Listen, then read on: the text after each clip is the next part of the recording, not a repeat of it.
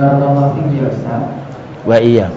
Apa Ustaz, tadi Ustaz mengatakan kalau seorang istri yang menolak ajakan suami untuk bergaul akan dilaknat oleh para malaikat. Mm -mm.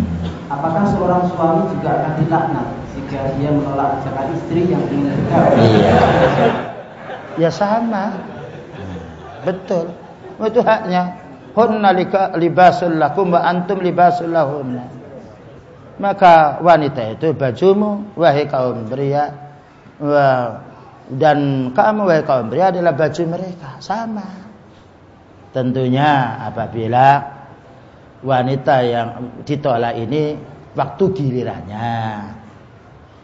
Ya, jadi kalau istrinya empat, ya, kemudian gilirannya si A, si B minta, ya harus bersabar dulu. Kan gilirannya kan. Nah, sekarang juga begitu.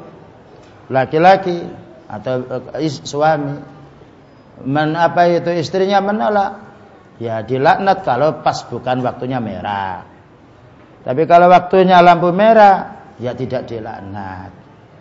Makanya boleh suami itu menikah lebih daripada satu. Karena laki-laki tidak ada waktu lampu merah. Semuanya lampu hijau.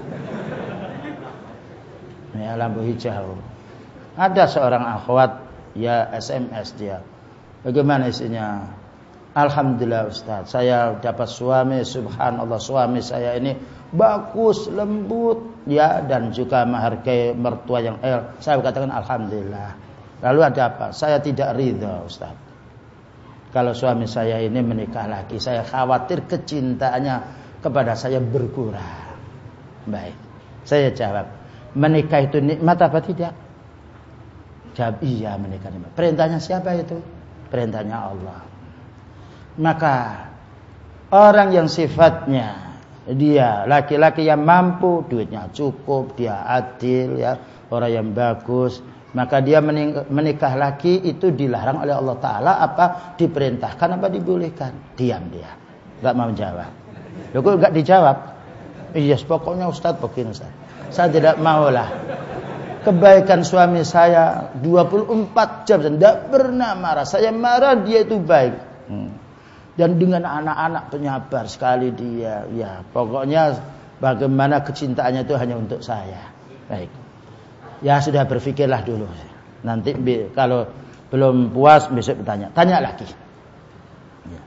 Gimana? Tetap Ustaz, suami saya itu mau menikah. Duitnya memang sudah cukup, dia bagus sekali. Saya tanya, baik.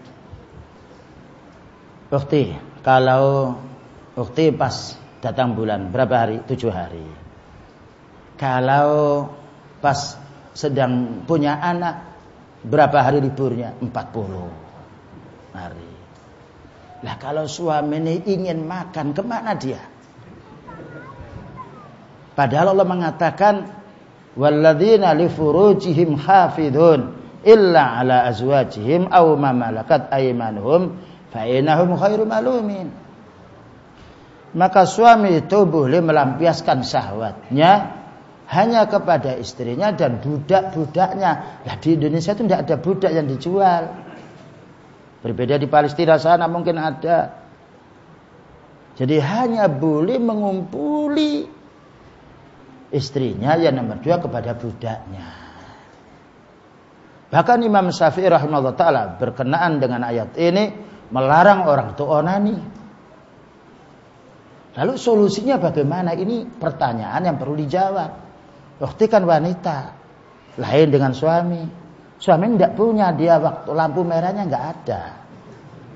Perasaan tidak senang kalau si istri menyusui itu gairah untuk suami nggak ada. Nanti sebelum lagi hamil muda, si wanita, uh, kamu kok baunya nggak enak. Jadi ada masa wanita, ini dikumpuli oleh suaminya itu nggak enak. Padahal nggak apa-apa, tapi kawan baik kata orang Jawa. Jadi kalau sudah apa itu dia hamil ngelimprek ya di kasur, nggak bangun-bangun tidur aja dia, ya. Di apa itu suaminya anu yang juga membenci. Lah sekarang masa-masa yang lampu merah ini gimana nih? Carikan jalan. Sedangkan laki-laki tidak boleh berbuat jahat boleh melampiaskan hanya dua orang. Satu istrinya, yang dua budaknya. Budak tidak ada. Ya saya pikir dulu Ustaz. Seminggu subhanallah. Iya Ustaz, memang begitu jalan daripada suami saya yang baik hati dengan saya ini yaitu membuat saya menzalimi dia saya bolehkan menikah. Subhanallah setelah menikah ini tambah bagus wanita itu. Karena apa? Karena punya teman saingan. Ketemu saingan dia. Jadi kalau marah dengan si suaminya kan suaminya akan pergi wah daripada marah-marah dimarahi ya saya akan pergi ke satunya. Jadi berlomba-lomba untuk menjadi bagaimana orang yang disenangi oleh suaminya karena Allah taala. Sebagaimana pesannya seorang wanita kepada Ummu Qais yang ketika mau menikah dengan Raja Ganda. Dipesani, eh anakku putriku ya, jangan sampai membuat pandangan suamimu itu pada dirimu yang yang itu yang tidak mengenakan. Dan jangan sampai dia lapar. Dan upayakan kamu bersenyum ketika bertemu dengannya. Dinasihati. Setelah itu alhamdulillah tidak ada SMS lagi nah itu solusi yang perlu disampaikan. Wallahu